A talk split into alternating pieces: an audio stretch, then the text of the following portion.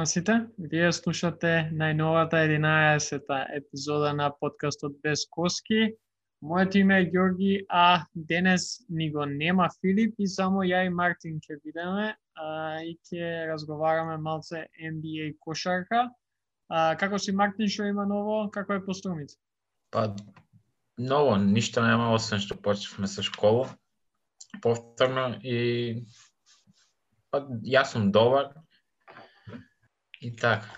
Да. Интересна недела е позади нас. А, дефинитивно можам да кажам а, беше онака интересно да се пратат утакмиците на на Бруклин Нетс.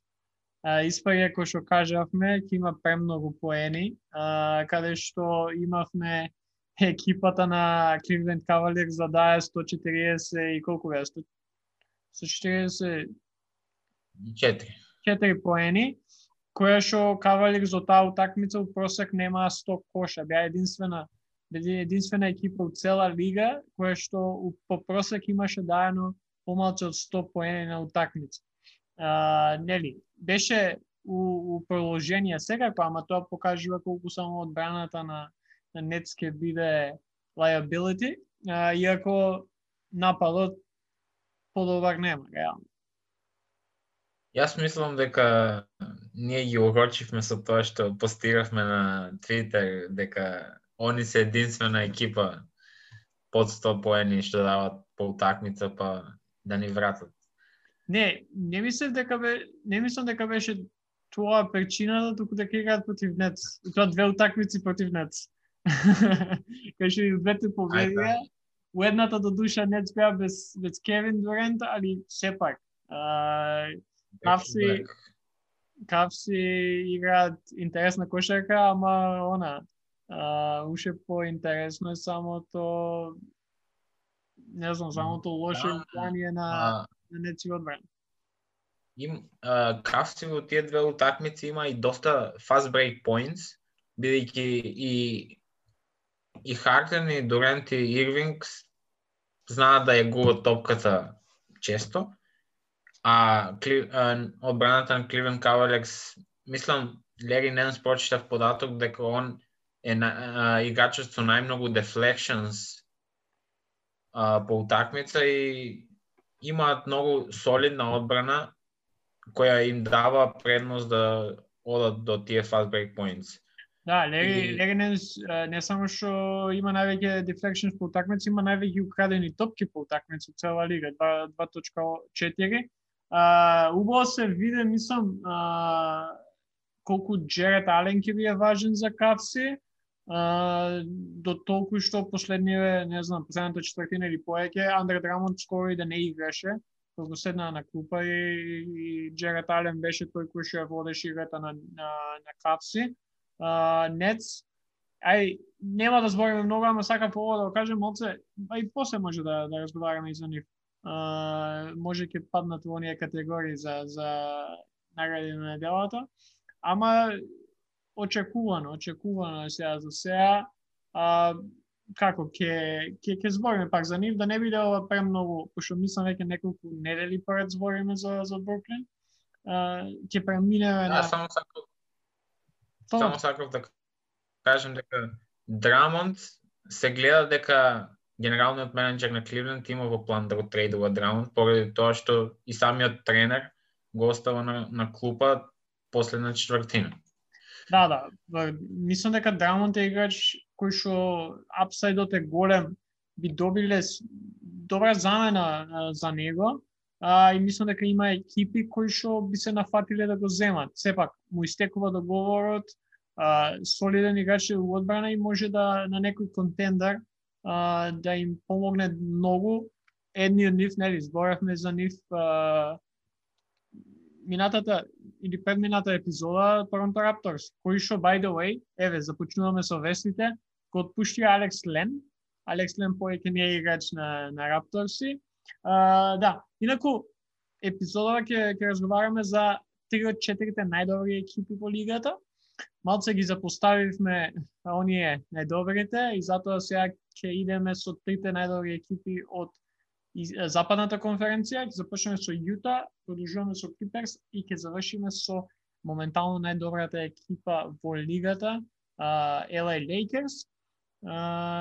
Филаделфија инаку четвртата, ама за неа веќе имаме зборено, така што ќе почекаат малце.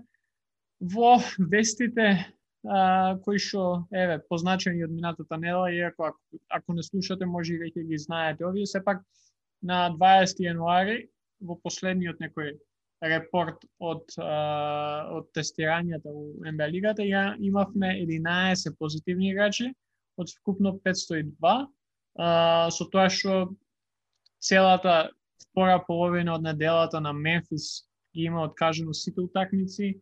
А, баш ја се смеевме. Мајами Хит во еден момент има и петорка која што ја двајца од играчи прв пат слушам за нив. А чи, а чи ува Нан и го дала Струс и Винсент, Мартин, ти, ти ги знаеш, ама нака, Струс и Винсент се играчи кои што прв пат слушам за нив реално, ако сум искрен.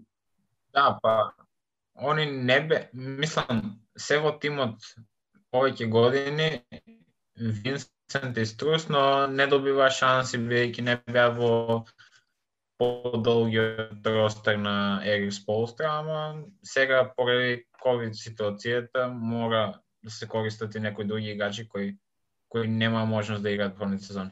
Да, да, да. Ќе биде интересно ова го кажуваме чисто од проста причина што сезоната ќе биде тотално непредвидлива и вакви работи ќе се случуваат нонстоп. Uh, од другите вести, Майкл Портер Джуниор е назад, а во Гиджега после па солидни девет утакмици, неколку недели а, пауза, се враќа назад, а, последните две против а, Феникс а, за Денвер, кој што Денвер победија. И во двете, но, но просек имаше 10 и пол поени по такмица и 8 и пол скокове. А, мислам дека ова ќе биде доста значајно враќање за Денвер, сега која се надева да се вратат у форма и да, да, да направат тој плейоф пуш. JJ Бареа не е веќе во НБА лигата. Од вчера, мислам, е нов играч на Студијантес по, во Шпанија друго што јам? А, да, Стеф Кари го помина Реджи Миле во погодени тројки синоќа, тоест сабота вечер со неговата погодена 2561 тројка. и и имаме трейд кој што се случи пред неколку дена, каде што Кевин Портер Джуниор беше трейдуван од Кавси во Хјустон за пикот втора рунда, буквално за ништо. за оние кои што не знаете, Кевин Портер Джуниор беше избран у прва рунда како 30 пик 2019 година од страна на Кавси. Доста голем проспект, поготово out of high school. едва една година издржа во University of South California, USC, USC. голем талент, голем талент каде што дури на факултет па, нема многу изиграно поради проблемите off the court. А, нешто што го прати у овие предходни две сезони. Од ова што имав читано и слушано за него, а,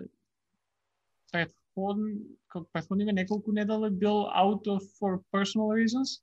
А, и се деша таа ситуација да се враќа тој на почетокот на оваа недела, мислам, Кавси му ја смениле со облекувалната, тоест лакар, а, не знам на кој му е дале, овој се налутува, избива кавга со облекувална и а, брзо после тоа е трейдуван. И а, мислам дека ова му е единствена последна шанса да сега у Хјустон ако успее да да се среди, а, да продолжи да игра во лигата, ако не не мислам дека ќе гледаме Кевин Портер Джуниор колку па тој да е талентиран а, во во НБА за долго. А, што ми што што ќе кажеш ти Макин за за трейдов? Па мислам дека од страна на Кливен Кавалер трейдот мораше да се случи поради како што спомна и неговите лични проблеми што што се случуваат од од негова страна кон со играчите на Кавалерс и, и затоа изгледа како трейдот да е победа за Хјустон. Ама мораше мораше да го дадат за било как било каков Кавлер за заради работите, мислам заради неговото однесување во да, инаку... надвор од од игра. Да, инаку минатата сезона, ја сега баш гледам неговата статистика, солидна игра, не не е као 10 кошеви по утакмица, може да дае, може да игра оке, ама она што а, го кочи е неговиот а, живот надвор од теренот а, и дефинитивно на ваквата екипа на Кав за која што е, на почетокот малку изборавме за тоа каде што се гледа дека уживаат да играат кошарка, се гледа дека се имаат еден со друг, кај што имаш ти Кевин Лав кој скока по знаеш по сайдлайнот да, да се радува за овие а, млади дечи кои што играат и носат играта на на Кавси као Секстон и Гарленд и цеа веќе Джерат Ален. И таква некое такво некое лошо влијание во, вошебекувалната не е препорачливо и солидна одлука на Кавси, иако нели истошија прв пик, ама добиваат замена втор. Како и да е, моравме нели да кажеме ова, важно е сепак трейд, а и ќе пратиме што ќе се дешава со, со Кевин Портер Джуниор следно. Океј, Мартин, идеме Јута Джез.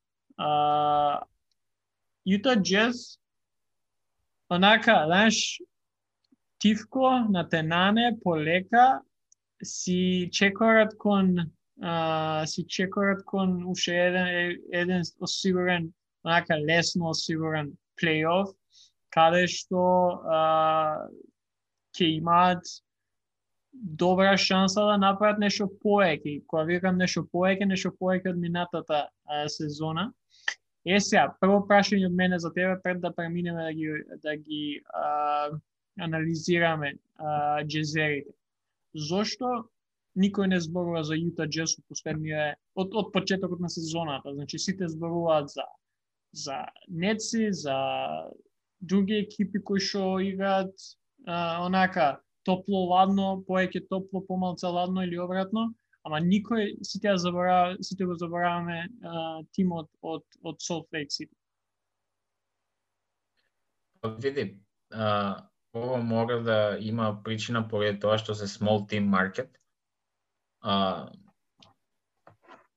живеат во има тим во не толку популарен популарен град и не толку спектакуларни играчи, нема толку спектакуларни играчи во тимот како што се некој Джеймс или Дорен, немаат суперстарови и и затоа се должи да, та се подценени од страна на целиот NBA фановите на NBA. А сметам јас дека игра плейоф кој игра многу тимска кошарка и, и треба треба луѓето да гледаат на нив како некој dark horse во плейофите на останатите добри тимови кои се во западот. А и мислам дека Мичел прераснува веќе во топ 20 играч. Мислам дека оди кон оди и мислам дека може да ја помине таа бариера на топ 20 играч во NBA. Ако да. ако продолжи да игра на нивото како што играше од каде што сам ја влечеше практички цела игра на Јута, мислам дека MVP потенцијал Донован Мичел. Да, да. А, не, управо си, ја само на тоа би додал една од другите причини зашто не не, разго, не, не, не се зборува за Јута, освен нели тоа што нема топ 10 играчи или што што нема суперстари што се small market, а тоа е што а, се нема докажено у плейофот. Знаеш, немаат направено, го немаат направено тој исчеко плейофот и секогаш се ако зборуваме за Јута, размислуваме за за минатата сезона што направили у плейоф. што направи у плейоф, изгуби од Денвер у прва рунда. А, така што важно е, важно е тоа да се спомне пред сега да почнеме да ги фалиме, пошто стварно играат може би едно од најдобрите кошарки е, у лигата, кај што одбраната име на многу високо ниво и кога велам многу високо ниво, мислам стварно е, солидно одмар, кај што сите екипи кои што играат против нив, против нив не се наигруваат слаби, послаби проценти. Браната е трета у лигата.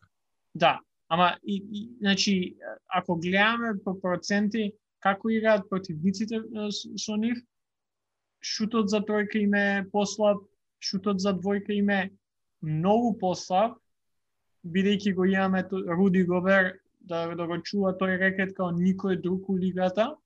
А, и а, една, една се од екипите кои што па можам да кажам се револуционерни, бидејќи не знам дали знаеш, ама една од мислам дека единствена екипа се не само сега, туку ever, која што шутира по утакмица 40 плюс тројки у просек, 41,6 тројки имаат шутери, шутери за три, имаат просек 40%. Така што дефинитивно а, а, Рам, Рамо се во, пос, во проценти со Клиперс, они имаат најдобар шут за во проценти израз. Да, ама Клиперс... Во цела лига. Чека да видам Клиперс колку шутираат ствари. Клиперс еве. шутираат е. дури седум тројки помалце по утакмица.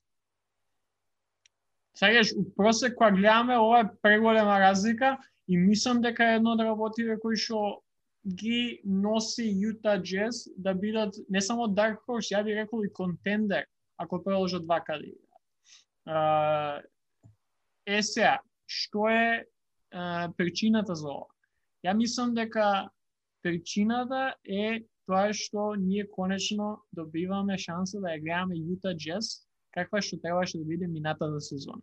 Кога го зема Майк Конли, кога Богдановиќ, нели, пред Богдановиќ да се повреди и да иде на операција, кога дојде uh, Кларксон, uh, кога малце разочара. Сега ги го имаме тоа, кај што Майк нели, после тие сите силни сезони у Мемфис, uh, каде што играше со, со Зек Рендолф и Пол Гасол, тој легендарен пик н рол, му требаше време да се навикне на, на Руди Гобер, пошто на Руди Гобер му треба Цепелин да му пракаш, не? или Али Јупове.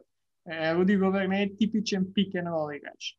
И му требаше време да, да се уири, сега таа некоја комбинација Майк Конли и Руди Гобер е доста добра као, и тешка за бранење. И, и плюс шутот на сега баш чека да видам да не да не излажам, Майк Конли има шут за три поени 42%. Каде што дава по по три тројки у просек на утакмица. И е еден од, од, да, и... најдобрите, ако мене ме прашаш, од најдобрите floor generals у лигата. Майк Конли. Тек е со години. А, јас само како прв, прва причина би сакал да додадам дека а, првите девет играчи, мислам, играчите што Квин Снайдер ги користи во тимот, девете играчи најчесто, само Инглс има отсутствувано четири утакмици, а додека другите ги, ги имаат играно сите утакмици. Тоа, тоа зборува за нивната конзистентност, тоа зборува дека нема проблеми со протокол, протоколи, со некои позитивни тестови и нонстоп играат играчите кои што ќе играат и во текот на цела сезона, ќе играат во плейоф и мислам дека нема а, екипите во НБА го немаат тој луксус да играат со сите своји најдобри играчи во регуларната сезона бидејќи гледаме дека сите сите екипи се од некаде десеткувани со некои протоколи и некои играчи кои отсутствуваат. Да, и важно е да се каже дека е првата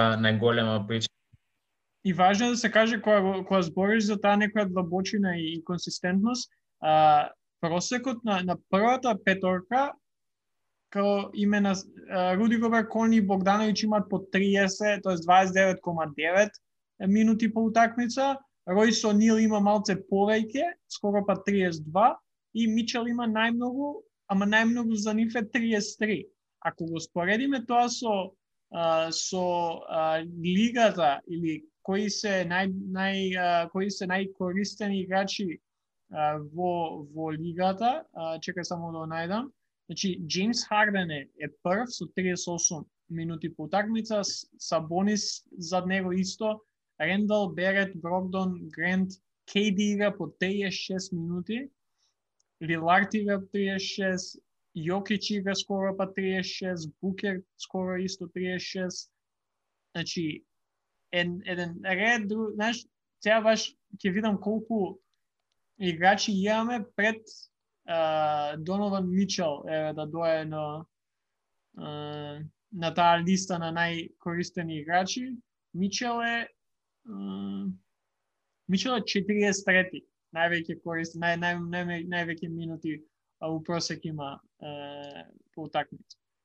Така што ширината и длабочината на овој состав на Јута е за онака за плашење. Не, многу е, многу е битно тоа, бидејќи нема да се трошат ни стекот на цела сезона како што ќе се трошат, ќе видиме како ќе се трошат Бруклин Нетс. Јас сметам дека ќе се трошат премногу во регуларна сезона за да победат. А Јута Джест не се троши толку, а сепак победува. Иако, знаеш, сите има а, распоред каде што некогаш ќе има јаки екипи, некогаш слаби, некогаш послаби. И таков ќе биде распоред секогаш, но Јута Джес има е, а, најдобар скор и Клиперс, они имаат исти. И мислам дека Квин Снайдер е многу поценен тренер, исто тука, каде што никој не го спомнува за некои награди, ни за некој добар тренер, а, одличен тренер, да кажем, и мислам дека многу добро ги распоредува своите минути на играчите. Ги распоредува нивната а, минути на сите своји играчи и не мора да биде толку толкав терет на играчите, на неговите играчи.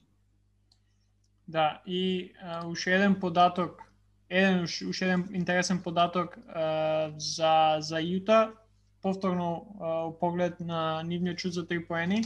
Ако лани шутирале од вкупниот број на шутери, 38% шутирале тројка, сега ова е покачено на 44%. Што значи, А, лани ако не знам шутирале е лупам 30 и нешо 37-8 шутери за три, по утакмица сега тоа е покачено и кој што кажев шутираат преку 40 шута за три и дава 40%. Е сега, дали ова е sustainable до крај? Може би не, ама па и ти што каже на почетокот, Мичел уше не е у таа негова, негова форма да кажеш да биде а, најдобар, најдобар. Игра супер, далеку од тоа да не игра, ама Мичел има уше простор за напредок а, како лидер на овој тим. И тоа е моето последно нешто што би го кажал за нив. Конечно се знае чиј тим е ова. Конечно се знае. Ова е тим на Донован Мичел и тој има ownership, што ги рекле американците, на тимов. Иде а, која е најпотребно, знае што да направи, стекнува искуство и едва чекам ваквиот тим на Јута Джез да го гледам у плейоф. Дали може пак да кикснат у плейоф? Секако. А, ама мислам дека а, после неко, предходни неколку сезони, поготово сега у бабалот, и тој нивен кикс, мислам дека се а, на добар пат тоа да го а, да го променат. Дефинитивно, а, знаеш, кажа, Mike Conley is back to being Mike Conley. Uh, еве, ќе си кажеме на подкастот, он ми е еден од омилените играчи у лигата. кој што стварно е, е типичен пример за плеймейкер, поготово за плеймейкер денеска и, и неговата некоја комбинација со со Руди Говере а, застрашувачка и уште подобро може да биде. А, да, као Мичел е, е лидерот на екипата. Јас сакам да додадам дека сакам да додадам дека и, и Кларк треба да добие тоа што го прави, бидејќи е втор најдобар скорер во екипата, влегува од клупа, значи има да. 17 4 поени во утакмица, игра 24,8 и, и тој станува по, полека сигурно кандидат за најдобар играч од клуба. И не само и, и ми, ми се допаѓа кај него бидејќи може да да создаде сам поени, да креира сам поени и да ја води клупата кога, например, целата стартна петорка ќе одмара.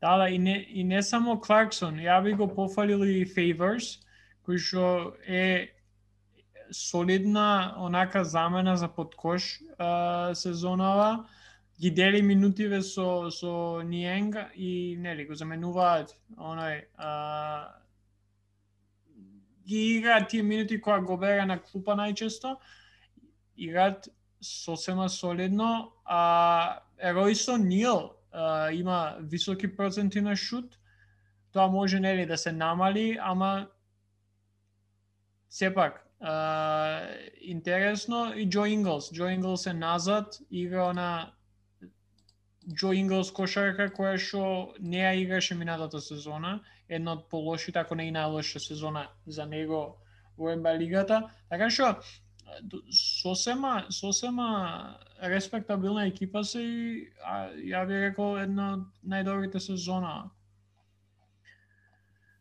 Юта Джес моментално се на 12-4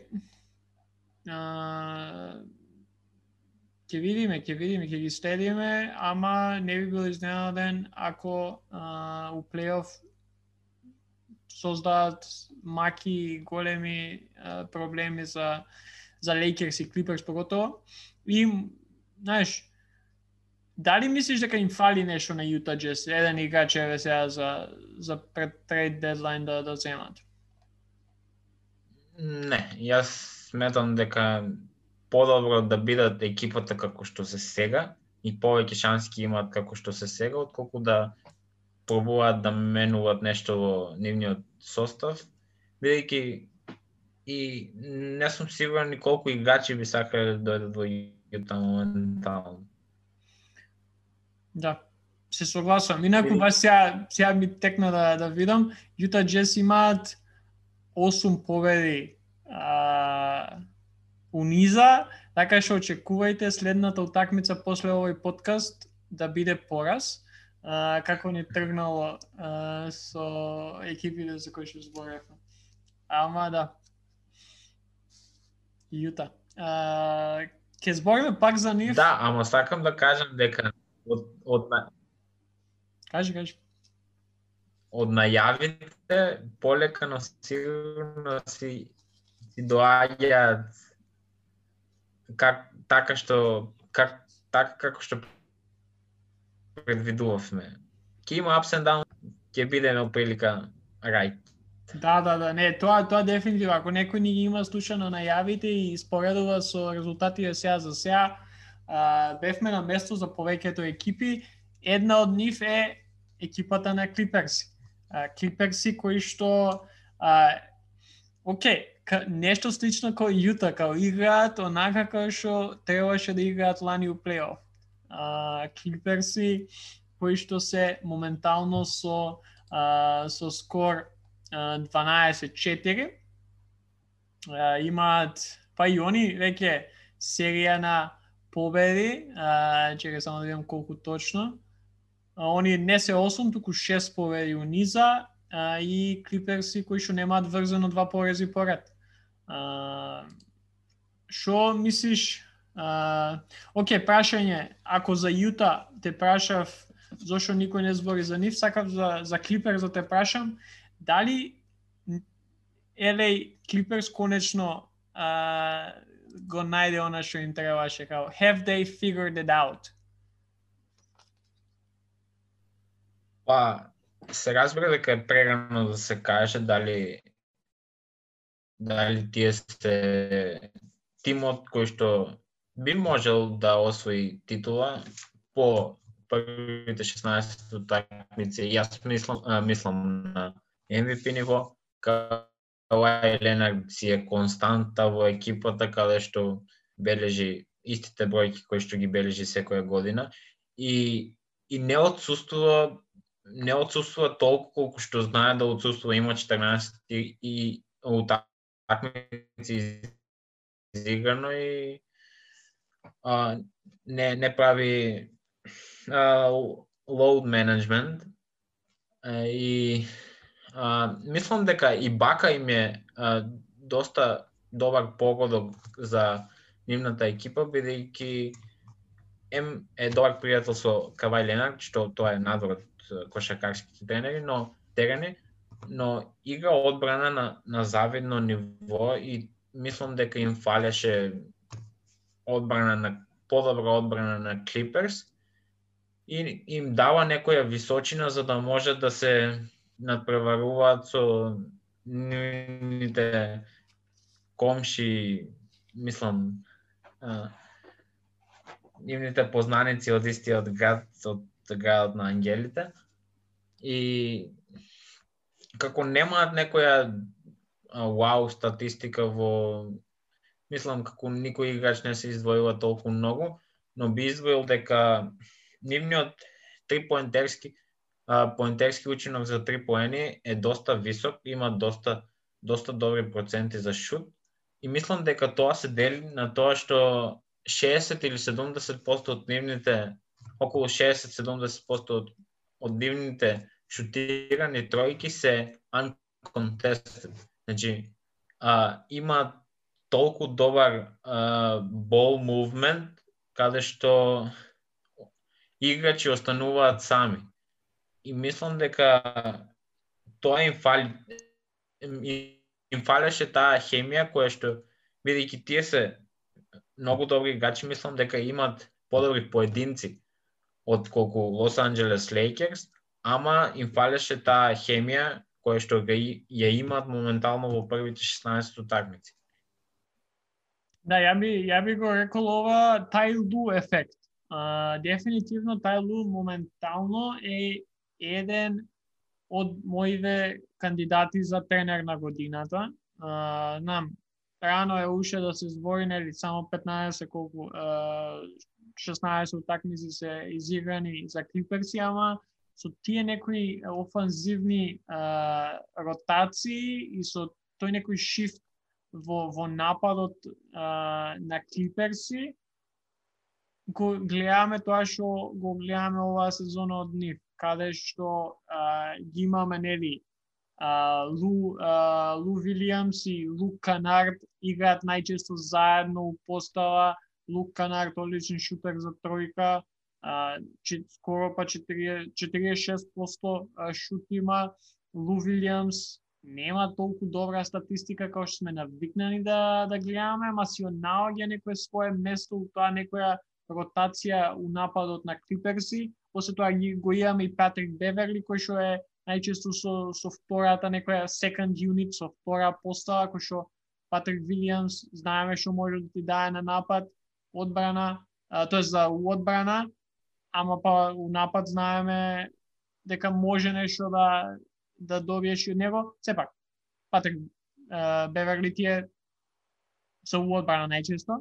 И ги имаме Каваи и Пол Джордж кои што играат на едно MVP ниво, а, каде што не верувам дека ниту еден од овие двајца ќе го освои, ќе ќе биде MVP сезонава, токму поради тоа што го имаат другиот. тоа не се единствени кои што ја влечат екипата и, и, и тоа што еден со друг има доста слична статистика и феноменални шутери. Као Пол Джордж има 50% шут за 3 поени.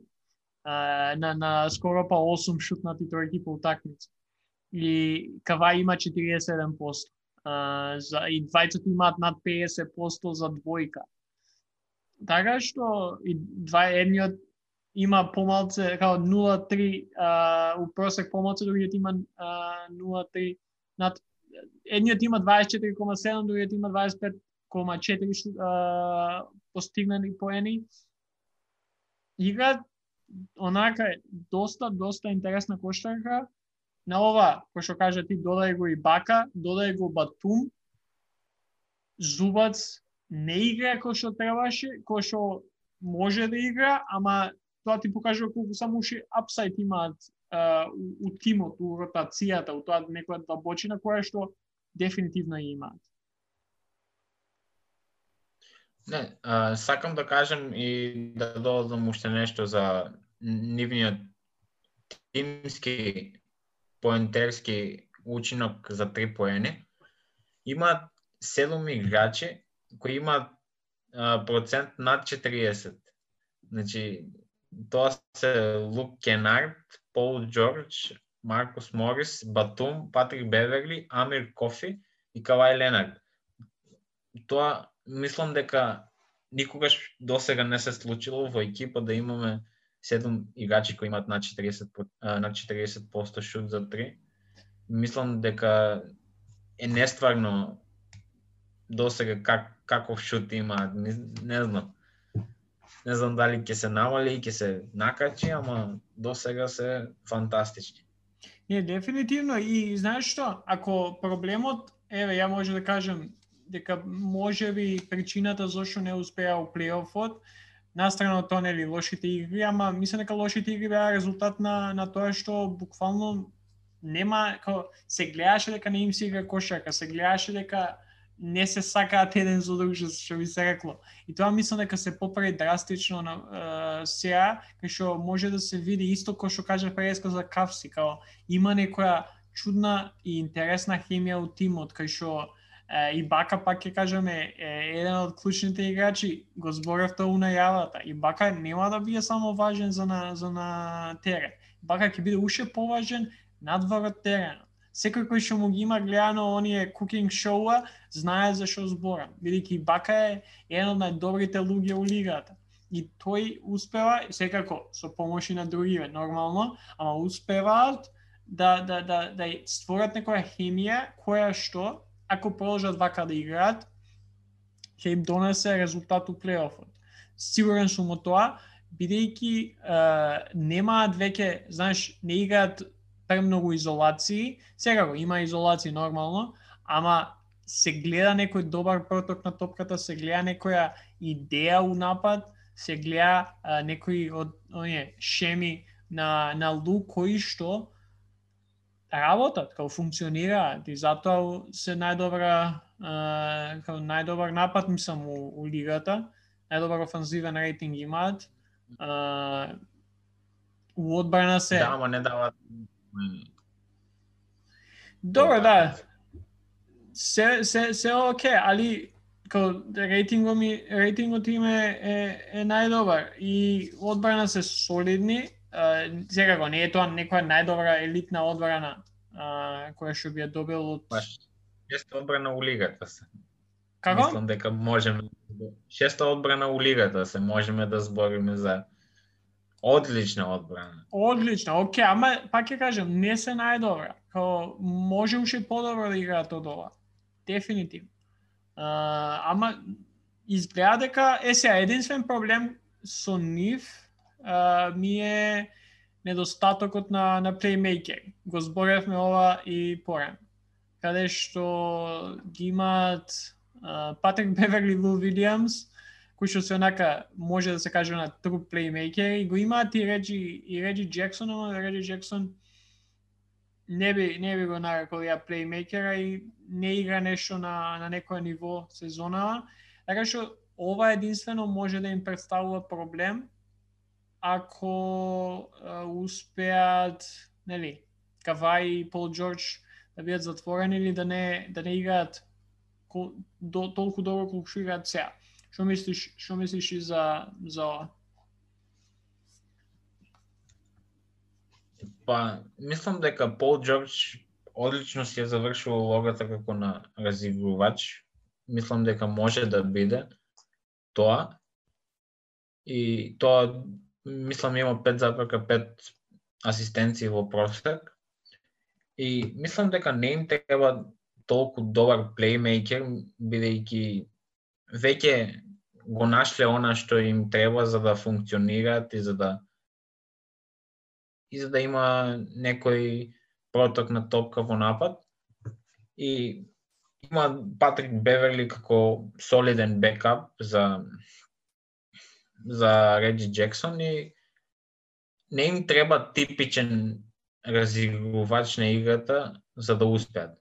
И мислам дека не би требало да прават некои промени во сезоната, бидејќи може да наруши цела екипа.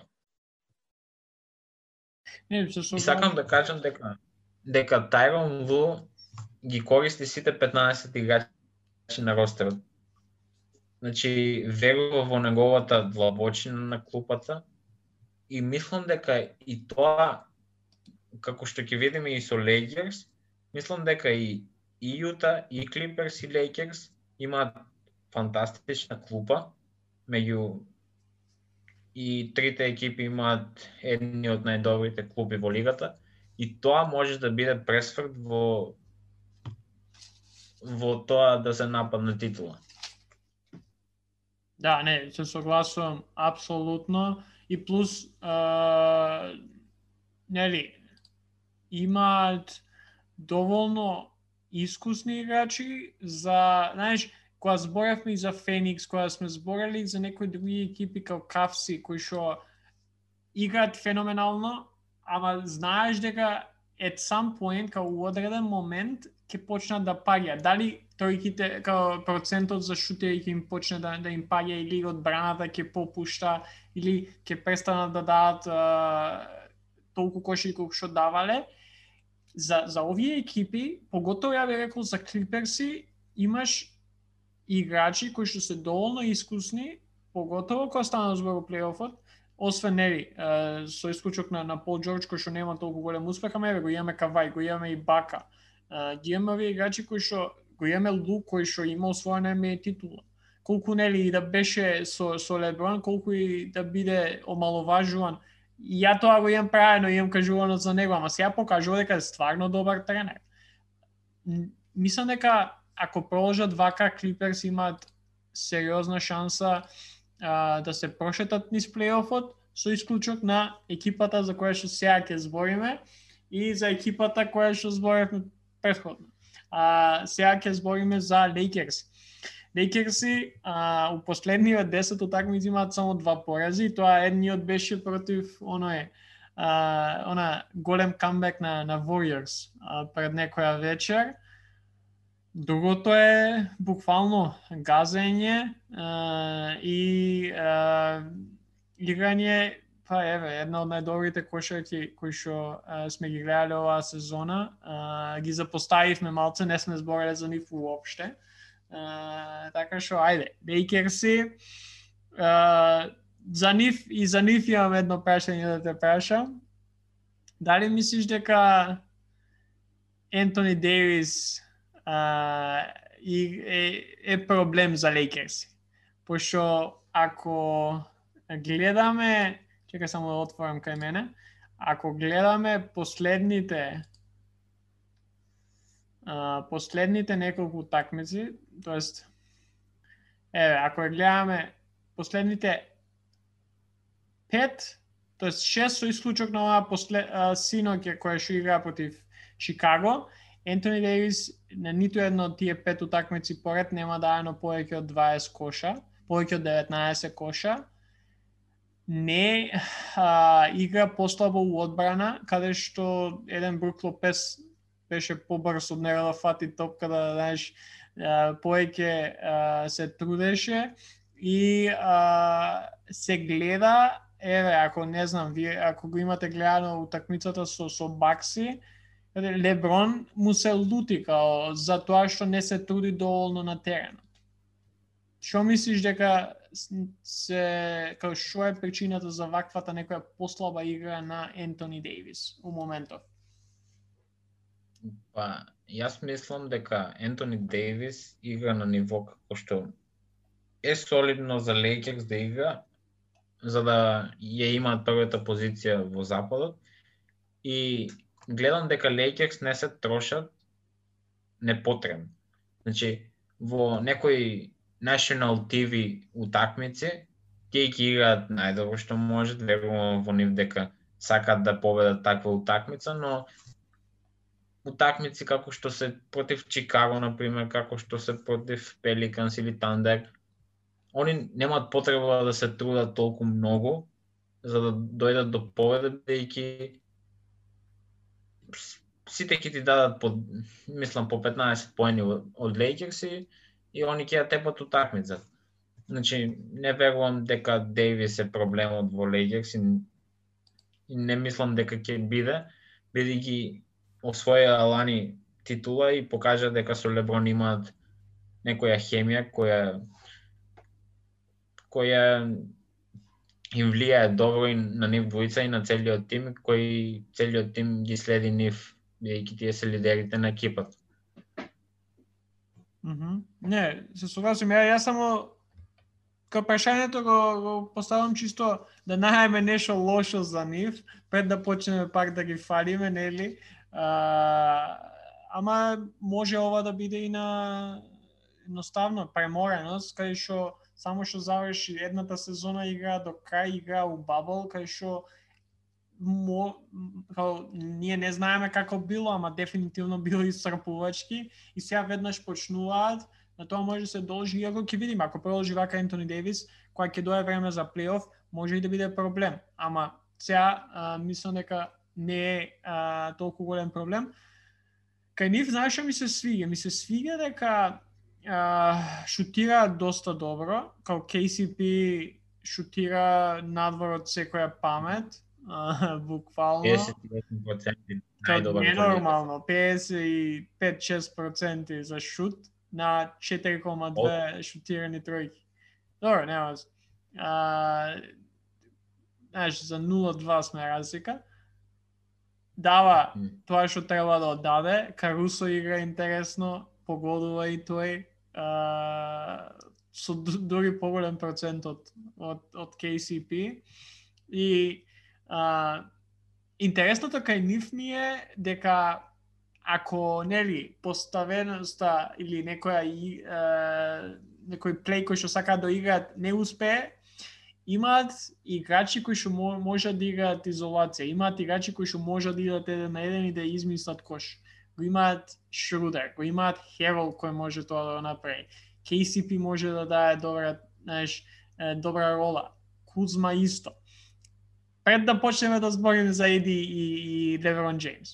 Така што доста ако успеат да ги вклопат сите овие а, мислам, они имаат успеано своја титула, ама ако продолжат да ги ако продолжат да ги да играат вака, многу тешки ќе бидат да се победат. Поготово сега кога го имаат Шрудер наместо Рондо, кој што може да се каже е подобар играч реално.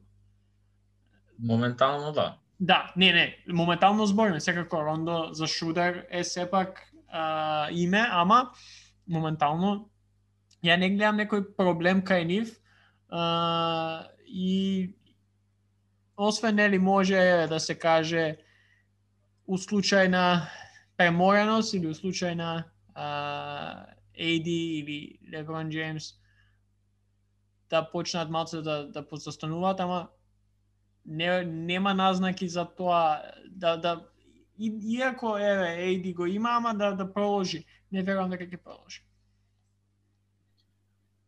Па, јас во Легија гледам како одлично балансирана екипа, каде што може да те нападне од сите страни буквално. Може да те нападне од пост преку Херал и Дейвис, може да те нападне преку пик со Джеймс и Шрудер. Има еден од најдобрите проценти за шут во лигата со 39,3%. Мислам дека е најдобар после Клиперс и Јута. За три. Чекај сега ќе видам. Да, Мислам, збориш и... ти? Да, третија во лигата, да. Им, а, имаат можност за да изиграат изолација со нивните недобри играчи како Джеймс и Ентони Дейвис.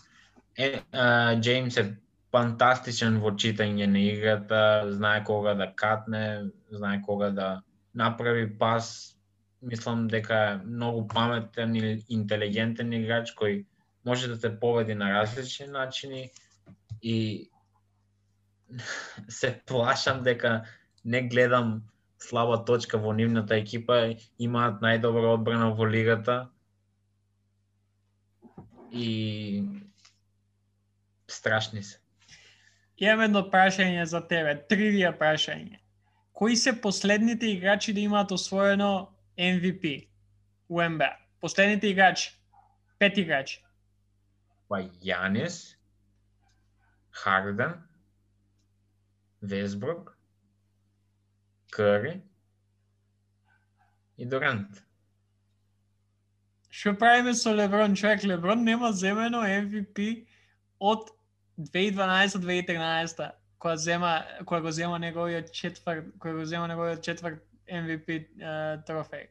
Као дали ова е годината кога Леброн иако може да се каже у последниве колку ги набра од 2013 до сега е се уште најдобриот играч у лигата и у неговата 18-та сезона, дали пак Леброн треба да земе MVP трофејот?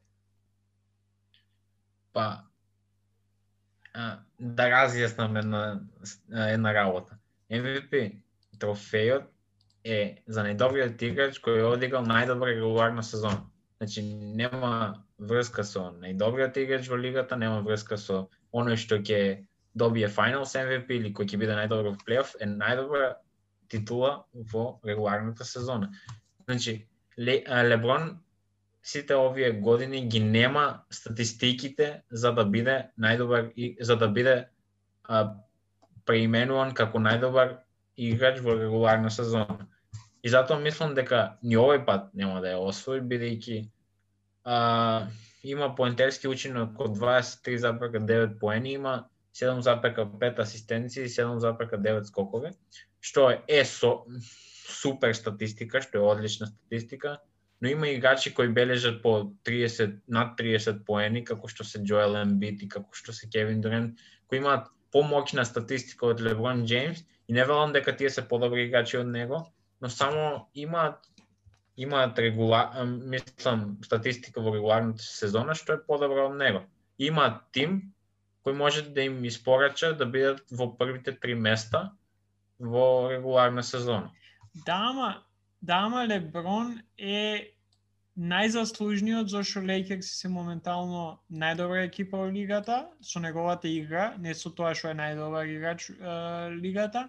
Игра е рекордно мали минути, кај што никогаш до сега у кариерата он нема играно 32 минути запека 4. И е максимално ефикасен игра секако не дава as much, као не дава не знам 30 коша по утакмица, ама има а, сега за сега една од неговите најдобри а, скокачки сезони со а, асистенција 7,5, мислам дека е втори или трету лигата со тоа. А, треба да проверам, а, може за ова сум грешка. Ама мислам дека има простор за да се направи тој знаеш кейс за Леброн. Е сега, оно што мислам дека и кај него и за за KD и за Пол Джордж и за и за Кавај Ленард ќе им биде проблеме што играат у екипа со останати суперстарови кои што имаат исто така одлични сезони. AD ќе се поправи, AD ќе ќе игра подобро до крајот на сезоната, така што тоа ќе се почне да се зборува се поеќе и поеќе.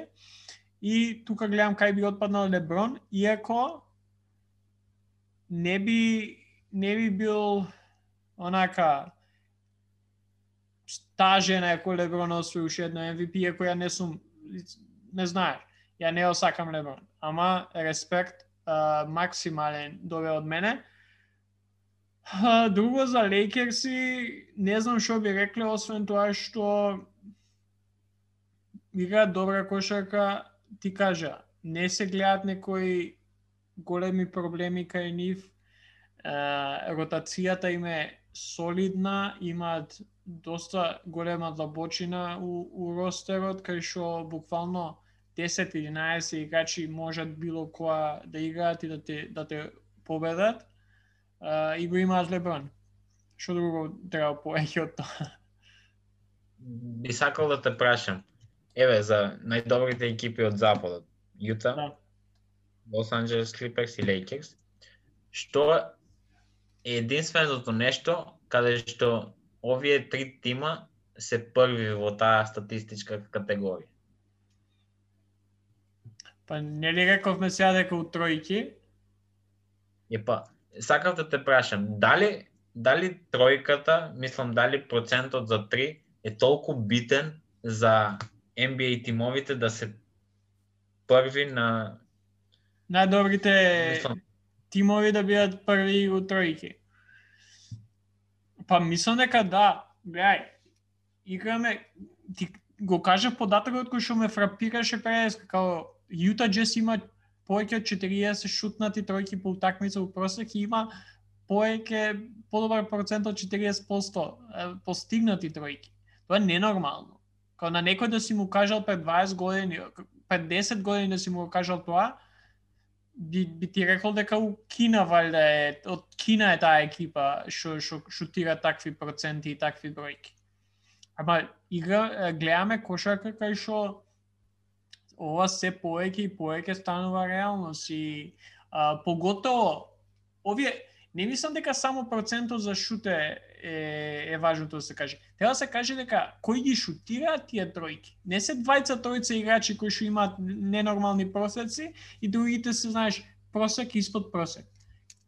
Значи у Јута ги имаме Богданович, го имаме Конли, го имаме Ройсон Нил, го имаме Кларксон, Инглс,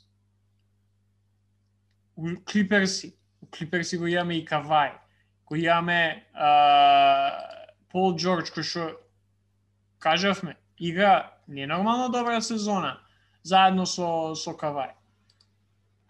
И а, на тоа нели, додај ги а, чекај сега да не сгрешам, ама додај ги Маркус Морис, Батум, Бат... Канард, па и Патрик Беверли кој има 43% шут за 3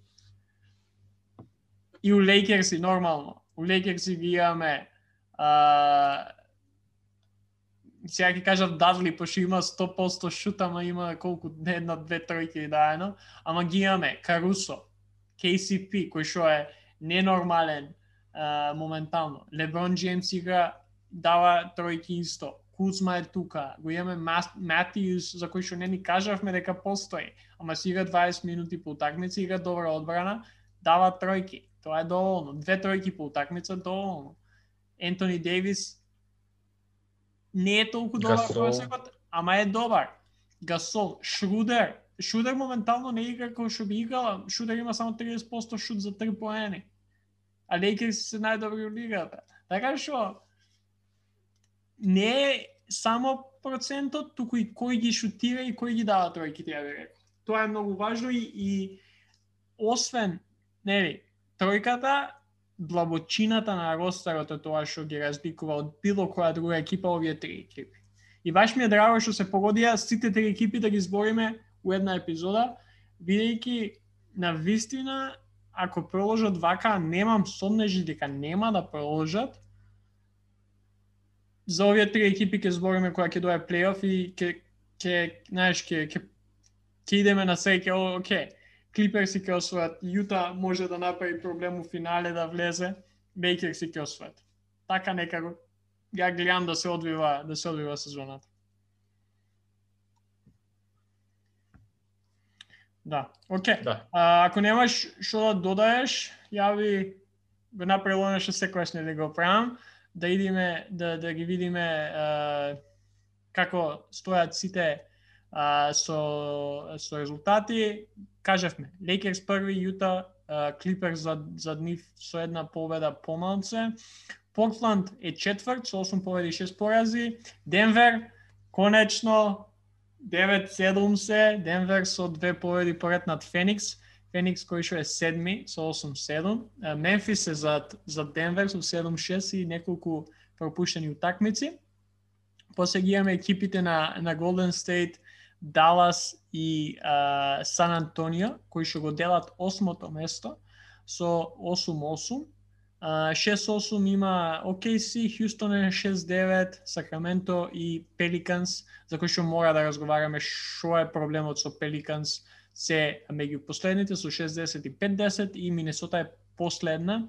Е да, заборавивме да кажеме дека Таун се аут, е, има корона за Минесота, така што Минесота е последна у, у, па, у лигата би рекол, а, со 4-11. А, на другата страна, спомнавме, Филаделфија се први со 12-5, Милвоки и Индијана а, имаат со де, се 9-6 победи порази. Бостон 8-6, Бруклин се 10-8, а имаат највеќе одиграни утакмици. Кливленд и Хокси се 8-7, Никси се тука на последното а, осмо место а, кој што нели носеше у плейоф сега е плейн турнир 8-9, Чикаго и Орландо се 7-9, Мајами и Торонто се и Торонто и Шарлот се 6-9, Торонто се конечно почна да да реди победи. Вашингтон, кој што исто така има пропуштено многу такмици, се 3-8 а, и Детройт се 3-13. Заедно со Миннесота две најслаби екипи во лигата моментално. Добро, време е сега за нашите награди за неделата. А, Филип ни го нема, така што само двајца играчи ги имаме за да и наградиме. Е, кој е твојот играч, Мартин, на, на неделата за ова измината недела? Немој да ми го земеш мојот. Мојот играч е Джоел Ембит. Човек, зошто? Игра фантастична кошерка, има еве на 33 минути дало 42 поена, на 30-38 има дабл-дабл просек во овие три утакмици, бидејќи против Мемфис не играше. И има три победи во ова недела, што мислам и мислам дека тоа е мојот играч на недела. Джоел Ембит е и мојот играч на неделата, као го имав спремено да, да идам да му листам статистика и колку само добар 37,7 има оваа недела. Значи, мислам дека ова ќе биде првиот играч кој што NBA ќе го избере за играч на неделата сега у понеделник после епизодата, така дефинитивно мора да биде. А, самиот каже, игра феноменално, дабл-дабл статистика, а, Филаделфија победува, Джолен Бит почнува тројки да шутира, 44% има, на три шутнати тројки по утакмица. Знаеш, сме збореле па и УМБ, знаеш, знаеме дека Джоел Ембит може да биде топ 5 играч у лигата. Ама Джоел Ембит се до оваа сезона немаше играно како топ 5 играч у лигата. Мислам дека сега конечно игра како топ 5 играч у лигата. Константно е повреден и... Па тоа, сега има испуштено колку? Две утакмици, тоест три утакмици од почетокот на сезоната и помеѓу три, три утакмици има значи не се една по друга.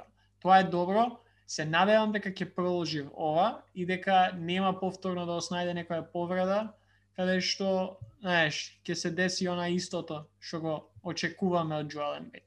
Така што играч на неделата Джоел Ембит и за двајцата. Сега е нема да ми го земаш разочарувањето, пошто ми е малце out of out of the box, ама ќе ти дам тебе прво да... Не, чекај, не ти давам, бе, разочарување на неделата, Стив Неш. Стив Неш ми е најголемо разочарување моментално. А, ја сум некој кој што уште која го назначија за тренер, ми се свиѓаше доста. А, и се уште ми се свиѓа, да не ме сватите погрешно, неговото назначување, ама мислам дека со неговите Знаеш, има некоја граница до кај можеш да им даеш на твоите суперстарови да прават се што сакаат. Ама у утакмицата што ја гледав со со Кавси, која изгубија у продолжение. Сега, чека, кај, кај го имам запишано да не, да не кажам нешто погрешно. Кейди играше 50 плюс минути. Кајри играше 40 плюс минути. Брус Браун играше само 7 минути. Го стартуваше Джеф Грин, а Джо Херис го стави на клупа. Као, не гледам као не гледам поврзано со овие некои. Човек, кога знаеш дека Секстон го убива Кайри Ирвинг, седни го на клупа, бе седни го на клупа, не, не да му даеш уште да игра еден на еден со, со Колин Секстон, кој што го уби. Рекорд на кариерата, 42 поени. Кевин Дорент да игра вакви минути.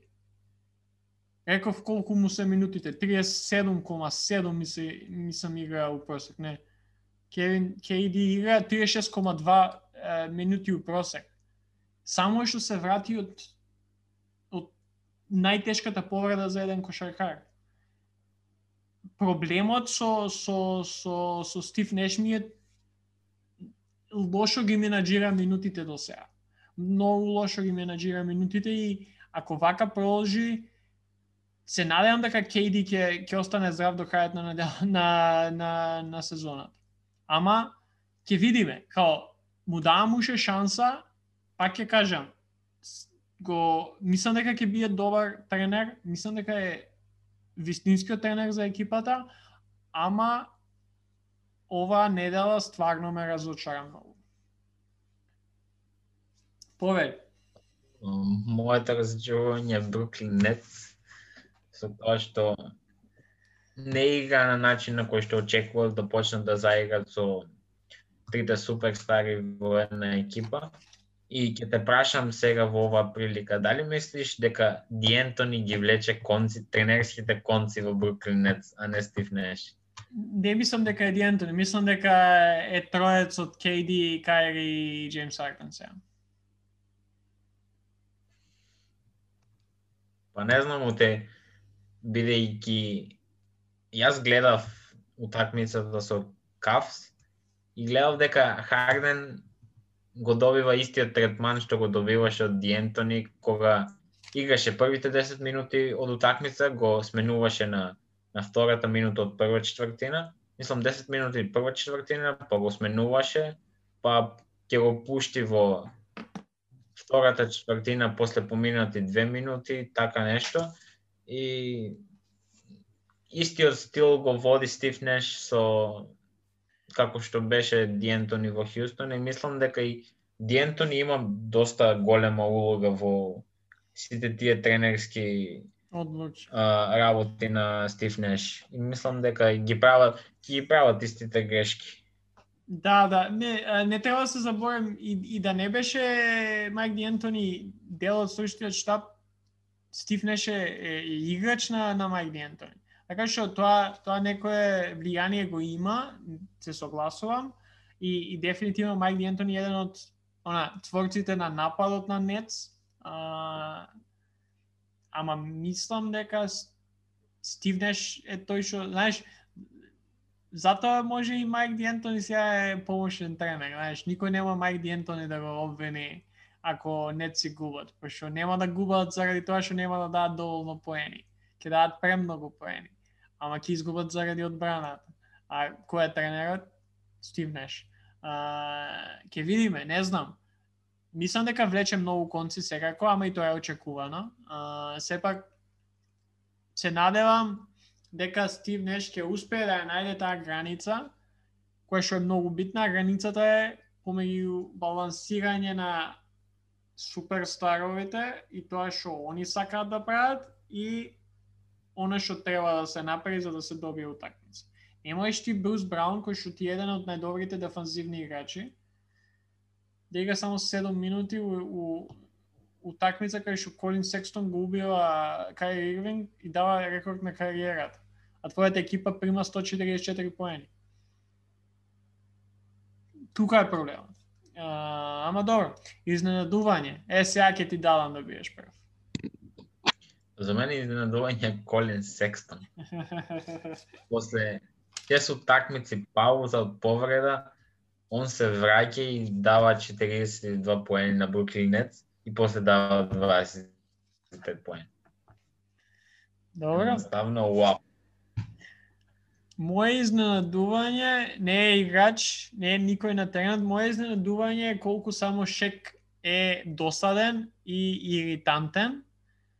А, како еден од оние на NBA of TNT, као сите го сакаме Чарлз Баркли, ама Шекил Онил се поеќе и поеќе ме нервира и се изненадувам секој ден колку поеќе го мразам.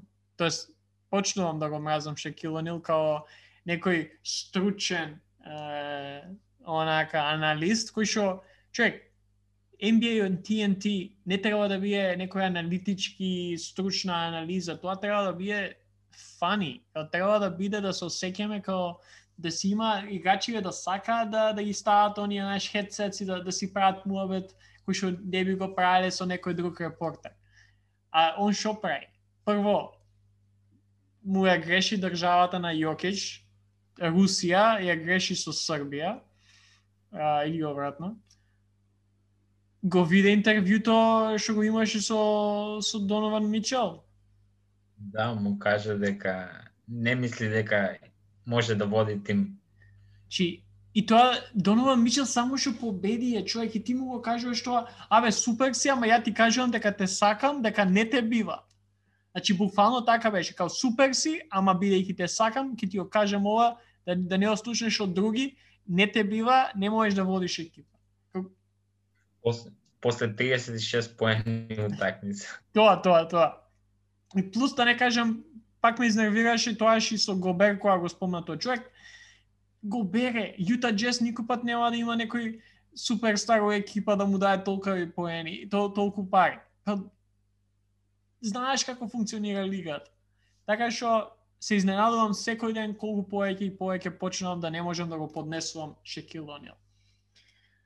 Оке. толку за нас неделава. А, утре спремаме изненадување. Ке иде, ке, ке видиме која ќе опуштиме.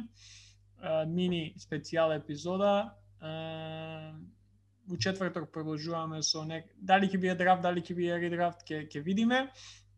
Мартин, оваа епизода ќе иде, нели, у понеделник, која НФЛ утакмиците ќе се завршени, ма еве за крај, што типуваш за вечерва? Дали кој ќе биде у Супербол после после вечера?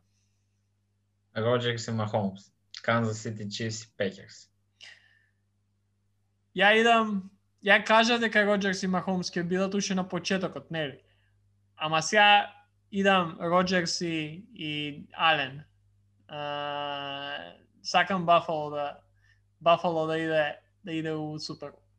И со тоа со тоа се одјавуваме. Се надеваме дека не бевме досадни, а у а, ком, знаеш, у, у работи што и кажавме поготово добрите работи за Јута Лейкерс и Клиперс и се слушаме у некоја наредна прилика. Поздрав! Поздрав!